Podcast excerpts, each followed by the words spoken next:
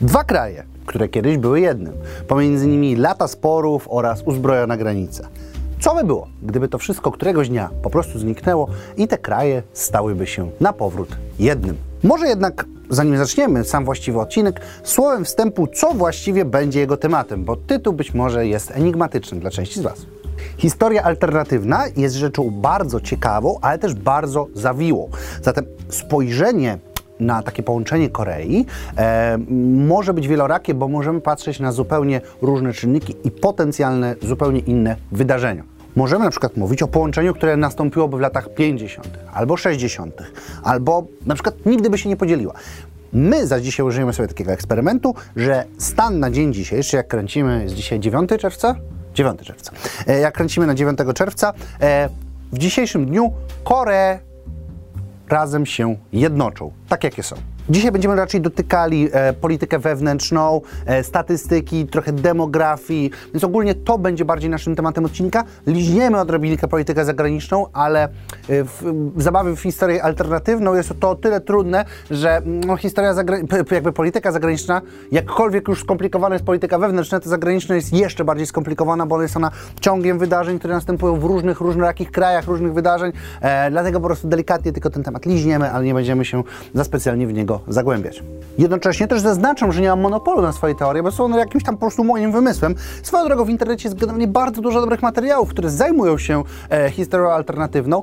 Często są one w języku polskim, na przykład e, kanał Globalista zrobił materiał, co by było, gdyby Polska miała swoje granice e, z 1673 bodaj. Za granicą możemy znaleźć e, kanał e, Alternate History Hub bodaj i Real Life Lore, które bardzo często zajmują się podobnymi zagadnieniami, tylko że każdy zwykle ma w takim, w takim typie materiału e, swój sposób spojrzenia i zwraca uwagę na pewne rzeczy. Tak czy siak zachęcam Was, żebyście sobie również zobaczyli. Jeżeli ten temat Was interesuje, możliwe, że nawet część z nich wrzucę gdzieś tam źródła do opisu.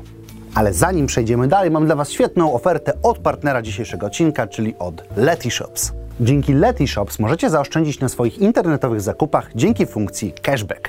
W skrócie, za zakupy zapłacimy tyle samo, ale część pieniędzy wróci na nasze konto i możemy to dokonać w jednym z 2400 sklepów. Aby z tego skorzystać, możemy zarejestrować się na stronie Letyshops, co zajmie nam w zasadzie kilka sekund. Dodatkowo do końca czerwca w niektórych sklepach cashback jest podwyższony nawet pięciokrotnie. Wystarczy kilka sekund, a możecie zyskać całkiem sporo. Więc nie czekajcie, rejestrujcie się, link jest oczywiście dostępny w opisie. Wracając jednak do Korei, zacznijmy od tego, co nie wzbudzi żadnych zastrzeżeń, czyli twarde liczby. Do nich możemy zaliczyć populację oraz powierzchnię tego połączonego kraju, jednakże my pokusimy się również o dodanie do tego produktu krajowego brutto PKB. Dodatkowo połączone państwo będzie miało aż 76 milionów obywateli, co umieszcza je w globalnym rankingu na 20 miejscu, jeśli chodzi o najbardziej ludne kraje świata. Dla Korei Południowej to jest tylko, a może aż awans o 7 oczek w owej tabeli. Kolejna sprawa, teren. No tutaj sprawa jest również prosta. Połączone kraje będą liczyć, będzie liczył ten już jeden kraj, około 220 tysięcy kilometrów kwadratowych. Jednakże lokuje się wtedy, jeżeli chodzi o ranking, e, jeżeli chodzi o wielkość krajów, w okolicach lokaty 80, gdzieś między Białorusią a Rumunią. Przechodząc jednak do PKB, które możemy oczywiście liczyć na dwa sposoby. Pierwszy, ten ogólny, gdzie po prostu dodamy sumę PKB dwóch krajów. E, wtedy Korei Południowej to jest 1693 miliardy dolarów, e, a Korei Południowej 28 miliardów dolarów. Razem daje to nam 1718 miliardów dolarów, jeżeli chodzi o produkt krajowy brutto. No i dla Korei Południowej można się nawet pokusić, że jest to zmiana nieodczuwalna. Sprawa komplikuje się przy produkcie krajowym brutto per capita, bo wówczas kwota 1718 miliardów dolarów podzielona przez wcześniej wspomnianą 76 milionów obywateli zrzucę, rzuca Koreę Południową znacząco z 33 lokaty, jeżeli chodzi o produkt krajowy brutto per capita na świecie, na lokatę 44 tuż za Estonią. Więc tak jak widzimy, Korea Północna pod względem statystyk nie niesie ze sobą dużo. Ale bardzo często to, czego nie widać gołym okiem, ma dużo większe znaczenie. Mowa tu o potencjale, który jest dużo trudniej policzalny. Korea Północna to kraj niezwykle bogaty w surowce naturalne. E, Na północy występują ogromne złoża węgla, ród żelaza czy też uranu. Dodatkowo Korea Północna dysponuje również sporą gamą no, nisko wykwalifikowanych, przez co również niskopłatnych robotników. Południe zaś oferuje, oczywiście poza tymi wszystkimi wspomnianymi rzeczami, takimi jak mocna gospodarka, oferuje również e, wysoką technologię i wysoko wyspecjalizowaną i wykształconą kadrę zarządzającą e, inżynierską. Połączenie tego tworzy nam kraj, który ma niezwykle wysoki potencjał gospodarczy. Nawet ekonomiści dla brytyjskiego The Guardian e, postanowili kiedyś wyliczyć to, używając twardych danych, e, już zagłębiając się w wyższą ekonomię, wyliczyli, że taka połączona gospodarka e, Korei Północnej i Południowej, której dalibyśmy odpowiednio dużo czasu, ma szansę wejść na pozycję siódmej największej gospodarki świata. Teraz skupmy się na rzeczy dużo trudniejszej, czyli na społeczeństwie już wtedy połączonych Korei, które stoi przed widmem ogromnych zmian. W naszej wizji alternatywnej historii połączenie Korei następuje demokratycznie. Oczywiście pomijamy tu mnóstwo aspektów, które mogłyby się pojawić w takim połączeniu, e, ale trzymamy się wizji demokratycznej. Zatem mieszkańcy połączonej Korei będą musieli wybrać swoje władze. No i tutaj raczej szacujemy w naszym, e, w naszym założeniu, że władze pozostaną demokratyczne. Głównie dlatego, że po prostu mieszkańców południa jest więcej. No i też nie możemy do końca zakładać, że po prostu wszyscy nagle na północy będą chcieli restauracji Kimów.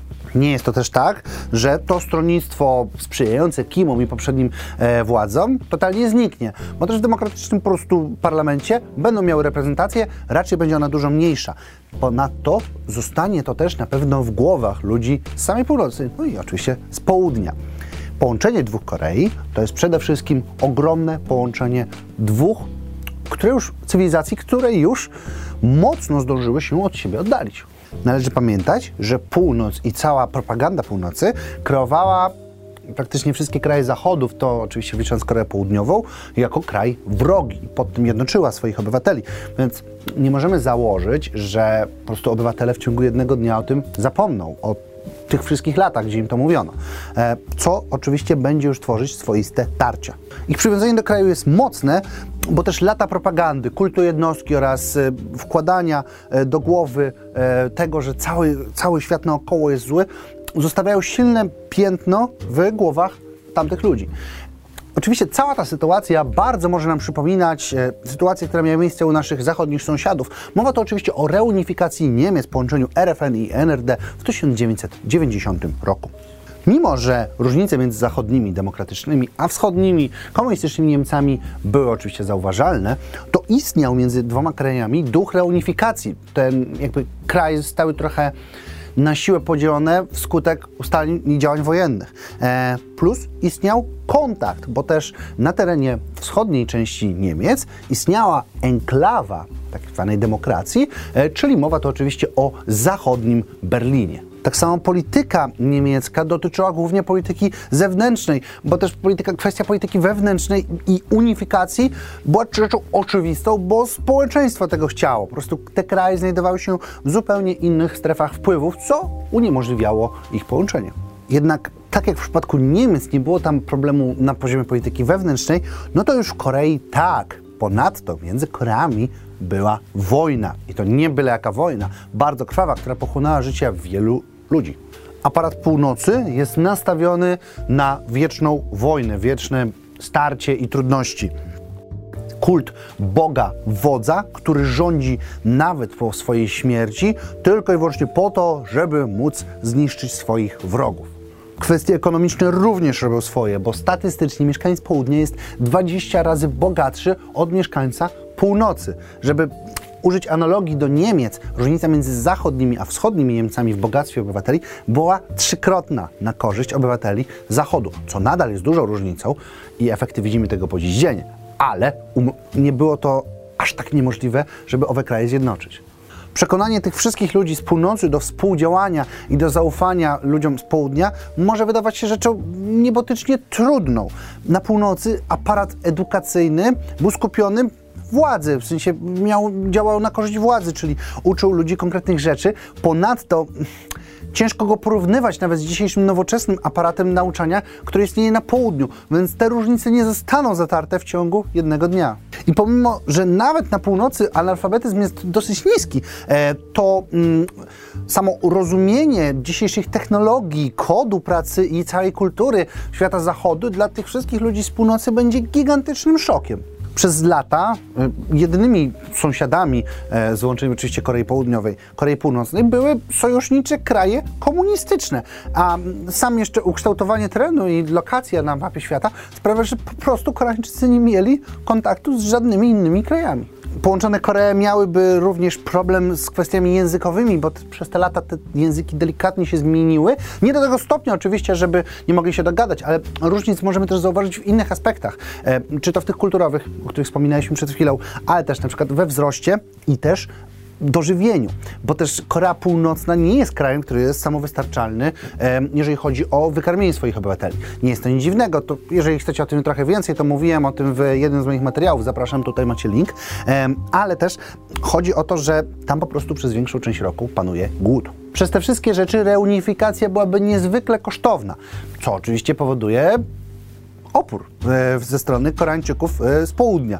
I tak nawet 72% młodych Koreańczyków deklaruje, że nie chce połączenia z północą właśnie z powodu kosztów, które by ze sobą niosły, z wykarmieniem, czy po prostu doprowadzeniem do takiego poziomu, jak dzisiaj wygląda Korea Południowa, bo koszty owe można liczyć nawet w setkach miliardów dolarów to może skończmy jakimiś takimi bardziej optymistycznymi akcentami.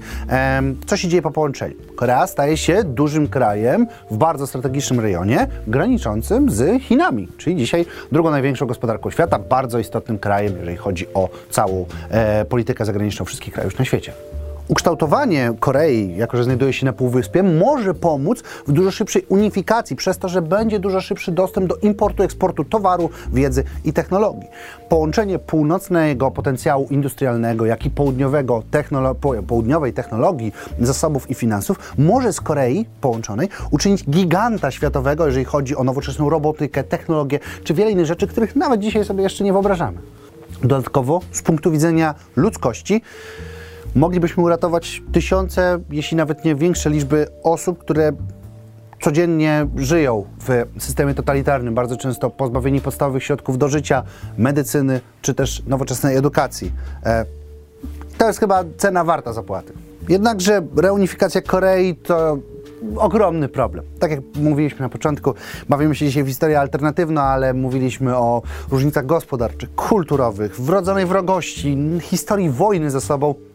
I to wszystko może uczynić reunifikację niezwykle trudną dla Koreańczyków. E, niemniej jednak, być może, być może, kiedyś to może za naszego życia jeszcze nastąpi. Dajcie znać, co Wy o tym sądzicie. Zapraszam Was również do e, linku tutaj w opisie od partnera naszego odcinka Leti Shops. E, możecie sobie wszystko sami zobaczyć, sprawdzić. Polecam zarejestrować się również. Zapraszam Was również na kolejny odcinek, który jest dostępny tutaj. Możecie też odsłuchać tego odcinka jako podcast na Spotify, jak i oczywiście zobaczyć śmieszne zdjęcia na Instagramie. A my widzimy się w każdy piątek o 17. Cześć!